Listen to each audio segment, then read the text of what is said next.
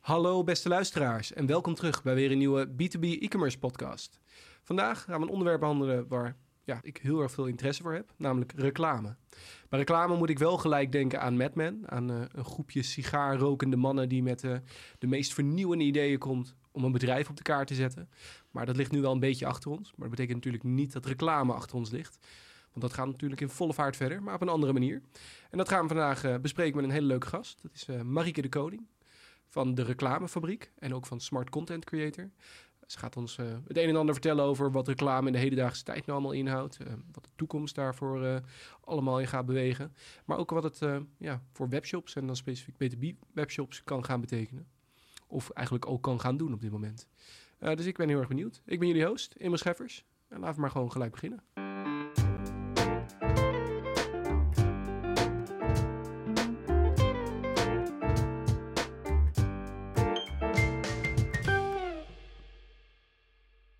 Zo, welkom Marieke. Dankjewel, leuk dat ik hier ben.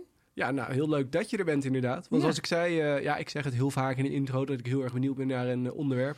Klopt ook wel altijd. Maar ik moet zeggen, reclame um, vind ik echt interessant. Um, ik denk dat heel veel mensen vaak denken reclame. Dat is toch marketing tegenwoordig. Maar het blijft natuurlijk een beetje een iets andere tak van sport. Zeker. Ja, ja. heel specifiek. En uh, ja, je kan niet alles tegelijk doen. Nee. En ja, misschien om gelijk eerst jou, van jou een introductie te geven... dat de luisteraar weet, nou, wie hebben we nou hier uh, in ons oor zitten? Of waar kijken we tegenaan? Afhankelijk van welk medium ze aan het uh, kijken of luisteren zijn. Ja, leuk. Um, wie ben je en uh, wat doen jullie? Ja, nou, mijn naam is Marieke de Koning... en ik ben samen met... Erik van der Kleut, eigenaar van de Reclamefabriek. Een pragmatisch reclamebureau uit Amsterdam. En uh, wij werken voor een aantal grote retailers, maar ook wel een aantal MKB-bedrijven. en dat doen we met een kleine 30 man. En onze focus ligt eigenlijk altijd op het om te kijken van hoe kunnen wij onze klanten meer uit hun reclame-euro uh, laten halen. Dat is de focus. En dat doen we door uh, de juiste processen, het juiste team, uh, maar ook de inzet van slimme tools. En dat is ook eigenlijk meteen het bruggetje naar het andere bedrijf wat we ja. samen hebben, want dat is Smart Content Creator.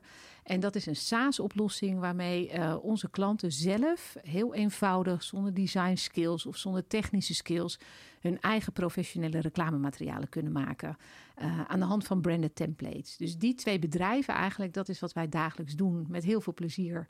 En uh, ja, ontzettend leuk om te doen. Ja, mooi. En ik hoorde een hele mooie slogan erin. Zoveel mogelijk uit je reclame-euro ja, halen. Klopt. Ja, dat vinden wij belangrijk. Wij komen zelf uh, vanuit het verleden eigenlijk bij uh, grote internationale netwerkbureaus vandaan.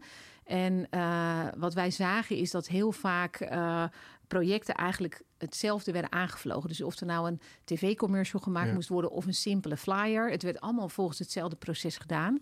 Nou, dan kan je je voorstellen, voor die tv-commercial is dat nog wel oké, okay, maar voor die flyer ben je natuurlijk dan veel te duur. Ja. En uh, wij dachten eigenlijk allebei daar hetzelfde over, dus zowel mijn compagnon als ik.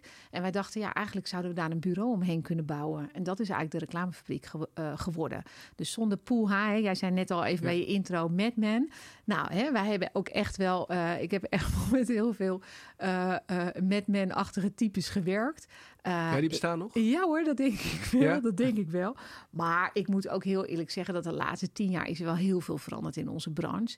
En uh, ja, is het, is het, klanten trekken dat natuurlijk ook allemaal niet meer. Weet je wel, doe maar gewoon, doe je al gek genoeg. We zijn allemaal harde werkers, dat wel, maar in de reclame. Er zitten natuurlijk echt wel heel veel talenten en specialisten ook in de, in de reclamewereld nog steeds. Wat denk ik ook echt een bijdrage kan leveren aan, uh, aan uh, de klanten en de merken die ze bedienen. Ja. Maar klanten accepteren natuurlijk niet meer van die hele hoge tarieven en uh, gekke uh, uitspattingen. Je moet ook gewoon leveren. En, ja, en een uh, stukje achtergrond is steeds belangrijker. Hè? Ook de reden hoe je er gekomen bent in plaats van, nou, dit is de oplossing en uh, doe het maar. Zeker, ja. En ik denk ook, wat, wat ook wel echt veranderd is, is voorheen hadden reclamebureaus best wel heel veel macht. En nu is het eigenlijk veel meer, en vind ik ook beter hoor, in co-creatie samen met de klant ja. gewoon mooie campagnes ontwikkelen. Want de klant weet uh, beter eigenlijk, hè? die kent het product of, of de propositie beter dan dat je dat weet als reclamemaker. Dus juist dat samenwerken is heel erg belangrijk in mijn optiek.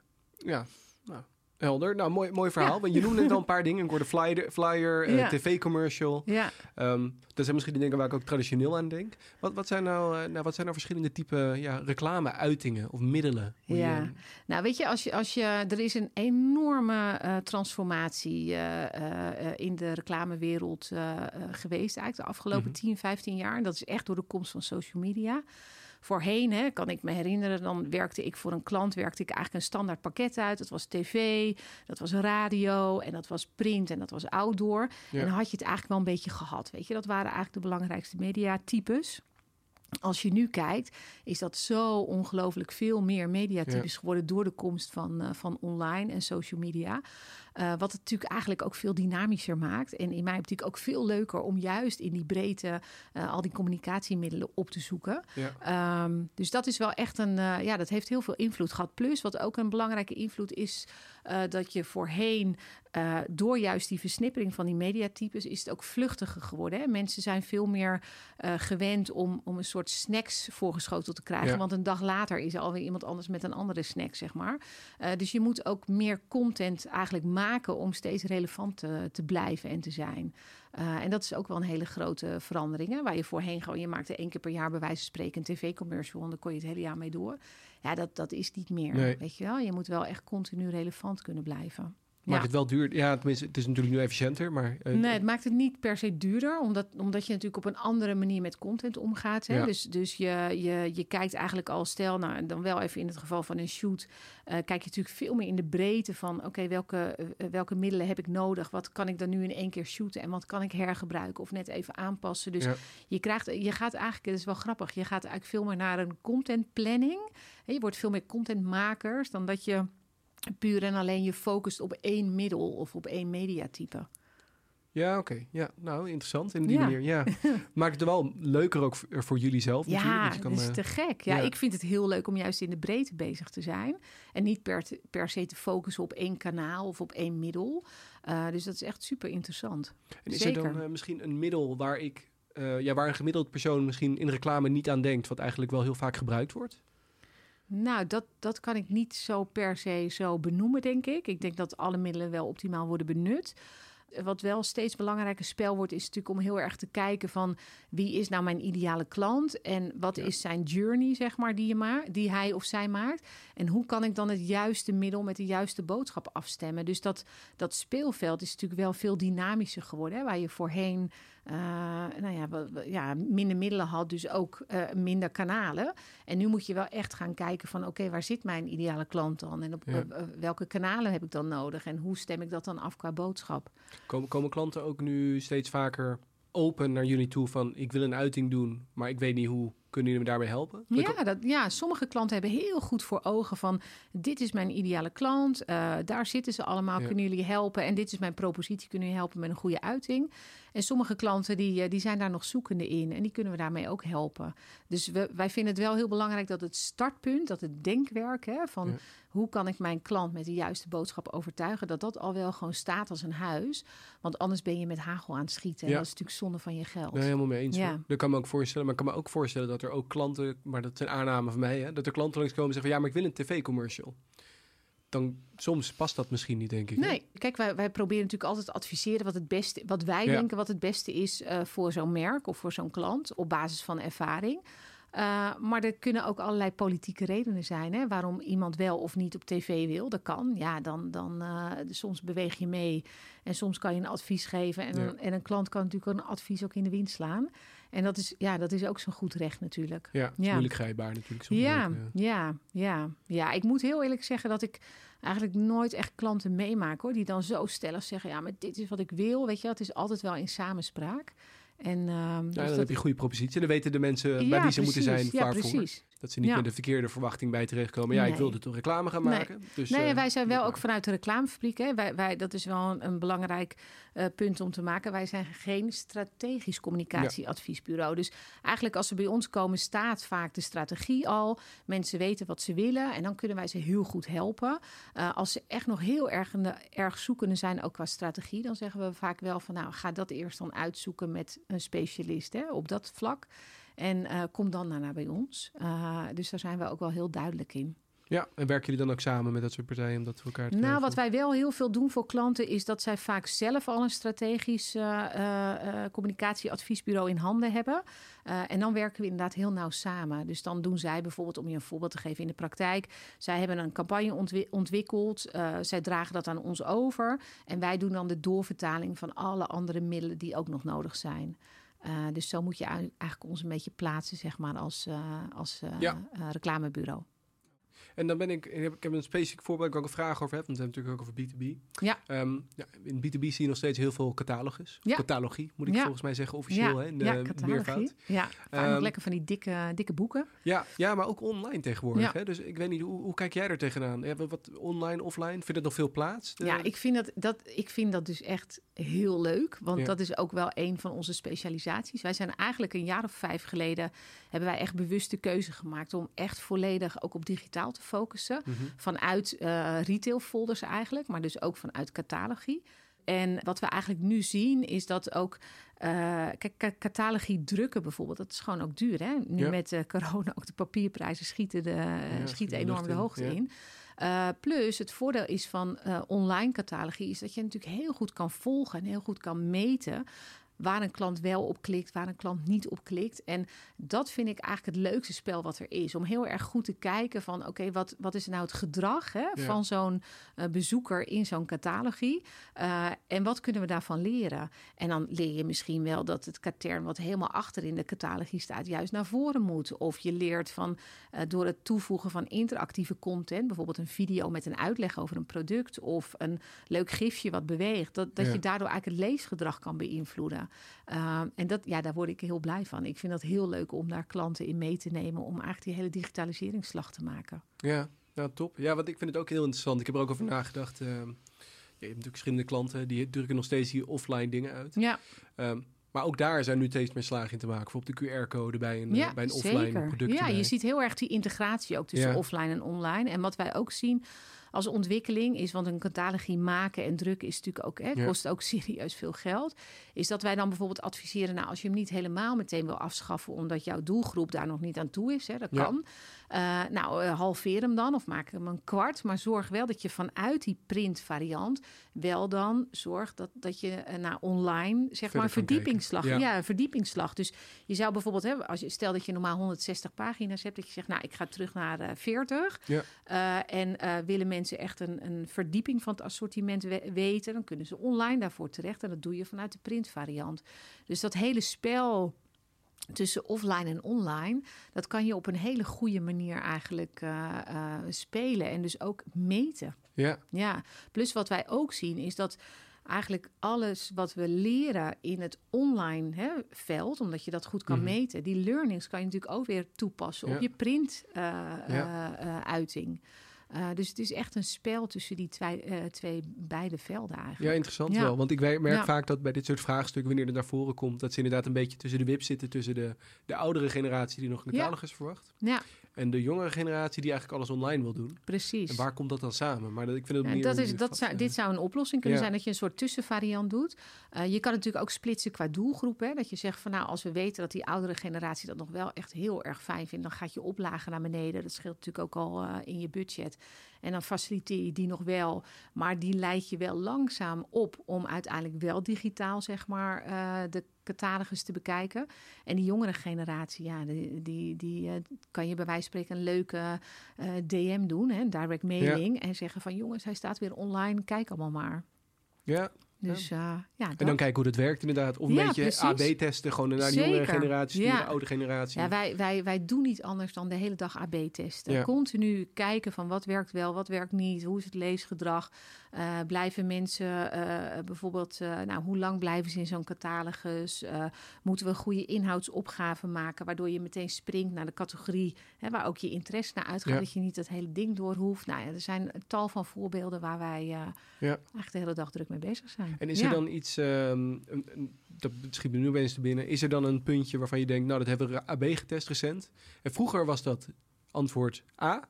En nu gaat het steeds meer naar antwoord B. Dat, dat je zelf ook verbaasd ja. bent. Nou, weet je wat wel leuk is om te vertellen, is dat als jij zeg maar een, een catalogus eh, bekijkt eh, in print. Dan kijk je gemiddeld 9 seconden per pagina. Hè? Dus dat, ja. dat doet jouw brein en dan heb je 9 seconden om die pagina te bekijken. We hebben dat helemaal doorgetest en als je dat online doet, is dat maar 4,5 seconden. Oh, Dus wat, ja, ja. dat is de helft. Dus wat je moet realiseren is dat een, dat een, een, een printcatalogus dus qua vormgeving ook anders is dan een online catalogus, omdat je veel minder Ja. prikkels kan verwerken in je hoofd, dus in je brein. Dus wij zeggen ook eigenlijk altijd van, het is niet zo dat je als je hem in print, hè, als je een printcatalogus zeg maar hebt gemaakt, dat je denkt, nou, ik maak hem even clickable voor online. Nee, dan moet je dus opnieuw naar die opmaak kijken, Ja. want je scant online en je leest niet. Terwijl in een printcatalogus lees je en in een online catalogus scan je. En dat is denk ik wel een belangrijk inzicht om, eh, om hè, de klanten mee te geven, eh, dat, ze, dat ze het echt zien als twee aparte mediatypes en dat die communicatiewetten dus ook anders zijn. Ja, dat je hem niet gewoon even een vertaalslag maakt Nee, van ik heb dat je niet online, zegt, zo, ik ben klaar. offline. Ja. Nou, dan eh, maken we even clickable en dan zijn we klaar. Nee, dat is, echt, dat is dan echt zonde. Dan benut je niet de, de online communicatiewetten. Dan misschien gelijk een, eh, een gewetensvraagje eroverheen. Komt die 4,5 seconden ook niet omdat het juist clickable is? Dus dat mensen dan uiteindelijk klikken en daardoor misschien minder lang op een pagina zijn? Ja, dat denk ik wel. Want je klikt natuurlijk door. Hè? Ja. Dus het is in, in die zin is het eigenlijk meer een teaser. Ja, Hè? Dus, dus je wordt geteased, je denkt wat een interessant product. En Ja. dan klik je erop en dan ga je pas eigenlijk echt de specs lezen, bij wijze van spreken, van het product. Terwijl met een printcatalogus, dan staan die specs er al bij. En dan le- ja, blijf je dus ook langer hangen op die en je neemt pagina. mentaal misschien even meer de tijd. Als je een boek erbij pakt, dan ben je ook wel echt zeker. bewust van nou, dat, dat is wel grappig, want daar is ook onderzoek naar gedaan, inderdaad. En dat blijkt ook echt zo te zijn. Dan, dan gaan mensen ook op de bank zitten, bij wijze van spreken, met een Ja. kop thee of een kop koffie. En dan bladeren ze echt die catalogus door. Dus dan is het ook een stukje van ontspanning, hè, zit er dan bij. Terwijl online zijn mensen natuurlijk al veel gerichter aan het kijken. En dan is het ook echt scannen van wat heb ik nodig Ja. en eh, waar, waar kan ik terecht. Ja, dus, een, dus wat dat betreft is niet alleen je, het, het scannen anders, maar je gedrag is ook anders. Ja, Ja. ja oké. Nou, interessant. eh, Ja. om die manier ernaar te kijken. Ja, Vooral, en zeker. die wisselwerking lijkt me Ja. heel interessant. Ja, is heel leuk. Is ook heel leuk om daarmee te testen, inderdaad. Ja, we noemden net al bij de catalogus natuurlijk een stukje webshops. Ja. Ehm, ja, voor B2B webshops. Hè? Want wij zijn natuurlijk de B2B e-commerce podcast. Ja. Ehm, er zit nu een, eh, een, eh, een, eigenaar van een B2B webshop te luisteren. Of een, een eh, e-commerce manager. Ja. En die denkt van, nou reclame lijkt me op zich ook wel wat voor mij. Maar is alles ook werkbaar voor een, eh, voor een B2B webshop? Of, of zijn er bepaalde dingen die daar heel goed voor werken? Misschien bepaalde uitingen zoals we net noemden? Nou, ik denk wel, hè, als, je, als je een webshop hebt, dan is het natuurlijk het makkelijkste of het laaghangende fruit. Dat zijn al mensen die al online zijn. Hè? Dus Ja. ik denk, als ik even denk, als, als ik een. eh, ik heb toevallig zelf, dat vertelde ik jou net, Ja. hè, ook een webshop gehad. Eh, dan zoek je natuurlijk als eerste naar je target group, naar je ideale klant online. Hè? Ja. Want dan is de klik, zeg maar, naar jouw webshop is het kortste. Ja. Eh, en dat geldt natuurlijk ook voor B2B Eh, dus ik zou in eerste instantie altijd online starten. Aan de andere kant denk ik wel dat je heel erg moet gaan kijken van oké, wie is nou mijn klant en op wat voor andere momenten kan ik hem ook nog bereiken? Want je hebt natuurlijk ook nog zoiets en dat noemen wij top of mind. Hè? Als, ook al zit ik nog even niet eh, online, maar ik Ja. denk wel bijvoorbeeld dat ik een warmtepomp nodig heb. Ik noem maar even wat. Mhm. Uh, en ik zie dat toevallig op een ander moment en ik denk, oh ja, dat is wel interessant en ik ga dan online, dan is dat moment ook heel erg belangrijk om Ja. je top-of-mind uh, positie te claimen. Dus ik denk dat een, uh, een, een B2B webshop, dat de kortste klap of het laaghangende fruit zit online. Hè? Dat, dat traffic genereren naar jouw webshop. Maar aan de andere kant denk ik dat het ook heel goed is om breder te kijken dan alleen online. En dan moet je heel goed weten van wie is dan mijn ideale klant en waar beweegt zo iemand zich en wat leest hij of wat doet hij in zijn vrije tijd. Uh, waar kan ik hem dus mee bereiken met mijn product of met mijn webshop? Ja, ja, interessant. En vooral ook misschien dat het juist verrassingselement kan zijn. Hè? Nou, zeker. Weet Ja. je, ik, ik, uh, uh, wat je vaak ziet ook bij uh, online webshops, is dat ze dan echt alleen maar online oriënteren. Terwijl je ook heel verrassend kan zijn met een offline, hè? dus een, een, een Mhm. mailing bijvoorbeeld naar iemand uh, zijn kantooradres of uh, nou ja, we werken nu allemaal thuis, misschien iemands thuisadres. Ja. Uh, om, ja, je krijgt niet zo vaak meer mailings, hè? want dat is eigenlijk een beetje, dat, dat, ja, dat, dat, gebeurt niet meer zoveel. Dus dan kan je juist heel erg verrassend zijn. Dus ik denk wel dat het belangrijk is om je af te vragen als B2B webshop van hoe kan ik mijn klanten verrassen?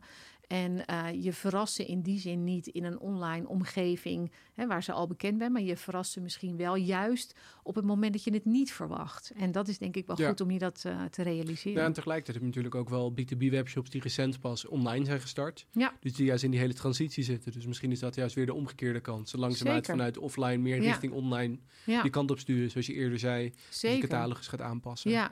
ja, en ik denk daarnaast, maar dat geldt natuurlijk dat geldt niet alleen voor B2B-webshops, Mhm. dat geldt natuurlijk voor alle merken en alle klanten waar wij voor werken. Het is natuurlijk wel heel belangrijk dat je dat ook met een uiting doet, die in ieder geval eh, ook verrassend is. Hè? Dat je niet eh, eh, nou ja, iets, iets, iets maakt of iets communiceert waarbij iemand wat niet eens opvalt. Dat is natuurlijk dan ook zonde. Hè? Probeer Ja. dan ook wel onderscheidend te zijn in wat je communiceert. Uiteraard wel passend hè, Ja, bij je passend. merk. Ja. Absoluut. En ook consistent. Dat vind ik ook heel erg belangrijk. Hè? Denk even aan de kracht van de herhaling. Als jij elke week weer een andere uiting maakt, ja, dan krijg je geen helder merkbeeld. Dus dat is denk ik ook heel belangrijk. hangen natuurlijk. Dan blijft het niet hangen. Maar zorg wel dat je in die zin eh, verrast. Ik heb bijvoorbeeld, wij hebben een aantal jaar geleden, eh, heeft Bamigo bij ons aangeklopt. Mhm. Dat is dan wel een B2C webshop. Eh, zij maken ondergoed eh, eh, van bamboe.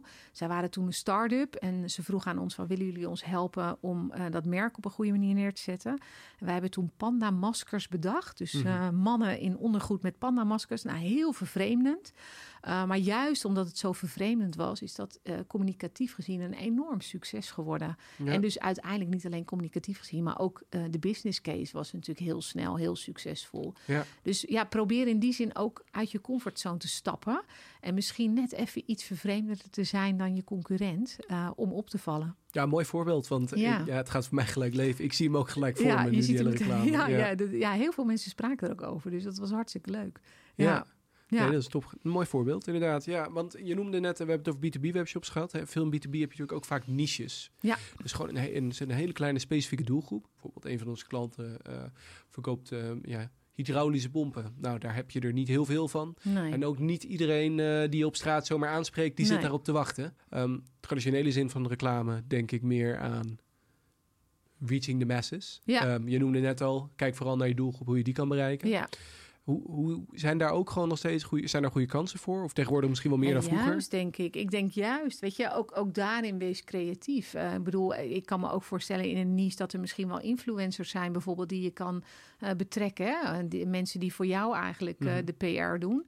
Ik denk dat reclame altijd een toevoeging is voor een merk of een product. Want uiteindelijk denk ik, hè, dat zal je Mhm. beamen, iedereen is gevoelig voor reclame. Ja. Toch? Ik bedoel, dat hebben we allemaal. Dus ook al zit je heel erg in een niche, dan nog is reclame maken belangrijk, omdat je een stukje merkenvoorkeur wil creëren. Of je moet de enige aanbieder zijn in Nederland, dat je zo'n luxe positie he- hebt. Maar heel vaak is dat natuurlijk ook niet Nou, zo. Je hebt altijd moet je nog concurrentie. maar gevonden worden. Maar nou precies, dan Ja. zelfs dan moet je gevonden worden. Dus ik denk, ook al zit je in een niche, dat het belangrijk is dat je, eh, dat je in ieder geval laat zien wat jou uniek maakt. Eh, ik vind het altijd heel belangrijk om ook te laten zien welk probleem je eventueel kan oplossen. Hè? Dus waarom moet ik voor jou kiezen in plaats van voor een ander? En ik denk dat het belangrijk is als je in een niche zit, dat je heel consistent bent in je communicatie. Ik zei het net al eigenlijk even eerder. Hè? We, zien vaak wel van, hè, dan denken mensen, ja, reclame is niet belangrijk, dus ik doe maar wat. Hè? Een beetje flauw gezegd misschien. Ja. Maar dan, ja, dat is zonde. Want uiteindelijk ben je ook heel trots op de producten die je verkoopt. Laat dat dan ook zien. En Ja, laat dat dan ook op een consistente manier zien. En die niche, dat heeft wel als voorbeeld, voordeel dat je natuurlijk heel goed weet wie jouw doelgroep is. Dus je kan heel getarget kan je communiceren. Eh, kijk, je gaat niet een grootscheepse Nederlandse Ja. tv-campagne opzetten voor een niche-product. Want dan heb je heel veel waste. Dat is zonde. Dus je gaat gewoon heel erg kijken. Misschien dat die mensen van die, eh, van die eh, hydraulische... Die gaan naar een beurs, ik noem maar even wat. Nou, Ja. dan ben ik daar op die beurs, maar dan pak ik ook uit. En dan zorg ik ook dat ik opval, bij wijze van spreken. Dus je gaat veel meer getarget communiceren. En ik, denk, eh, ja, en ik denk dat je eigenlijk ook met een niche heel goed weet wat jouw doelgroep wel en wat je doelgroep niet leuk of goed vinden. En waar ze zijn misschien. en waar ze zijn. Ja. Dus je kan eigenlijk, is het een voordeel, want je kan heel erg getarget kan je gaan communiceren. minder ge- gefragmenteerd. Precies. Je kan ja. een billboard langs een industrieterrein zetten bij wijze van... eh, Ja. Nou ja, ja, inderdaad, een billboard. eh, eh, wat, je nu, wat, wat wij veel nu zien bij, eh, bij, bij ons, hè, met retailklanten, is dat je locatie-based kan communiceren. Mhm. Hè? Dus je loopt richting een, een, een winkel en je krijgt een, een, een message op je telefoon met een aanbod bijvoorbeeld, weet je wel. Nou ja, Mhm. dat is even een voorbeeld wat, wat ik dan noem. Dus wat dat betreft kan je heel getarget inderdaad communiceren. Ja. Ja. Nou, interessant. Want inderdaad, maar ja, als je op die manier bekijkt, dan is een niche misschien zelfs eerder een voordeel dan een, eh, dan een nadeel in dit geval. Ja, in dit geval wel. Ja. Ja. Ja, we noemden net al even kort. Ik had nog een vraagje daarover van een oudere doelgroep. Hè. Je hebt er steeds, eh, ja, vooral in B2B heb je nog wel vaak te maken met partijen die zijn, laten we zeggen, pak een beet. In een positief geval vijf, tien jaar geleden begonnen met een webshop. ja. Ehm, maar ja, alsnog vindt dan heel veel via de telefoon plaats of op locatie. Nou, Ja. De afgelopen twee jaar heeft dat misschien een beetje een stroomversnelling gebracht. Ja, door corona natuurlijk. Ja. Ja. Maar hoe, hoe ga je daar... na- eh, en ten andere kant heb je ook de nieuwe generatie inkopers die erbij komen. Ja. Dus het is een beetje een hele grote Ja, wij, wij komen dat heel vaak tegen bij onze klanten ook. Hè? Bedrijven die eigenlijk in een transitie zitten, eigenlijk een digitale transitie. En de, het ene deel van het bedrijf wil heel graag en het andere deel die houdt liever vast aan de oude normen en waarden. Hè? Dus dat is wat dat betreft niet, eh, niet nieuw. En wat, wat onze ervaring is, is dat je het vooral moet laten zien wat de impact is van de dingen die je doet. En Ja. daarmee bedoel ik eigenlijk dus, stel dat, eh, dat je aan het AB-testen bent op digitaal vlak en je kan laten zien dat het een beter werkt dan het ander, deel dat ook vooral met de oude garde, noem ik het dan maar even. ja. En dan eigenlijk door ze stapje bij stapje mee te nemen. En wat wij bijvoorbeeld, een voorbeeld wat wij veel doen met eh, digitale folders, is echt heel leuk om, eh, om te zien, is dat wij door het klikgedrag bijvoorbeeld kunnen zien dat bepaalde artikelen heel goed klikken in een bepaalde periode. Nou, ik doe even een voorbeeld. Eh, stel, jij verkoopt airconditionings. En eh, je denkt eigenlijk hè, vanuit oude normen en waarden dat, de- dat de verkoop begint in juni. Want dan wordt het een beetje mooi weer. Maar stel nou dat wij door klikgedrag zien dat in mei mensen zich al aan het oriënteren zijn. Dan betekent dat dat je eigenlijk in mei al moet gaan communiceren. Want dan heb je ze hè, Ja. voor in, het, eh, in, het, eh, in, in de top-of-mind positie, zeg maar. En als je dat soort data deelt met inkopers, en ook al zijn ze hè, even tussen haakjes van de oude stempel, vinden ze dat natuurlijk hele waardevolle informatie om te krijgen. Dus eh, ja, mijn advies is eh, eh, testen en het deel die testresultaten om mensen mee te krijgen. Ja.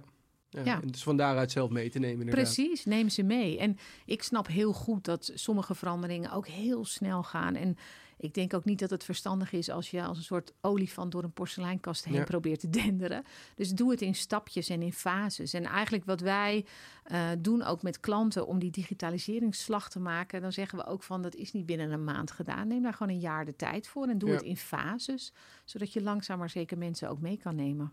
Ja, want wat ik natuurlijk wel daarin lastig vind, nou lastig, is voorkom je daarbij dan niet dat je de nieuwe generatie daarmee tekort doet, door Hm. het wat rustiger aan te doen. Nee, want uiteindelijk doe je wel testen hè, op dat Ja. gebied. Dus dat doe je eigenlijk met de jongere generatie. Eh, maar zij hebben natuurlijk ook niks aan als de achterban met de hakken in het zand gaan. Ja. Dus uiteindelijk eh, faciliteer je in die zin de jongere generatie door die testen op te zetten. En de oudere generatie, ja, dat klinkt nu net alsof je oud bent, dat je dat, zo bedoel ik het niet. Maar Dat zeg maar, de, nee, nee, maar, dat eh, is absoluut niet het geval. Want ik denk dat die mensen heel veel waarde Ja, die toevoegen aan die kennis natuurlijk. Precies, dus dat is. Maar ik bedoel meer dat mensen die, die zijn gewoon heel erg gewend om op een andere manier te denken en invulling te geven aan hun communicatie.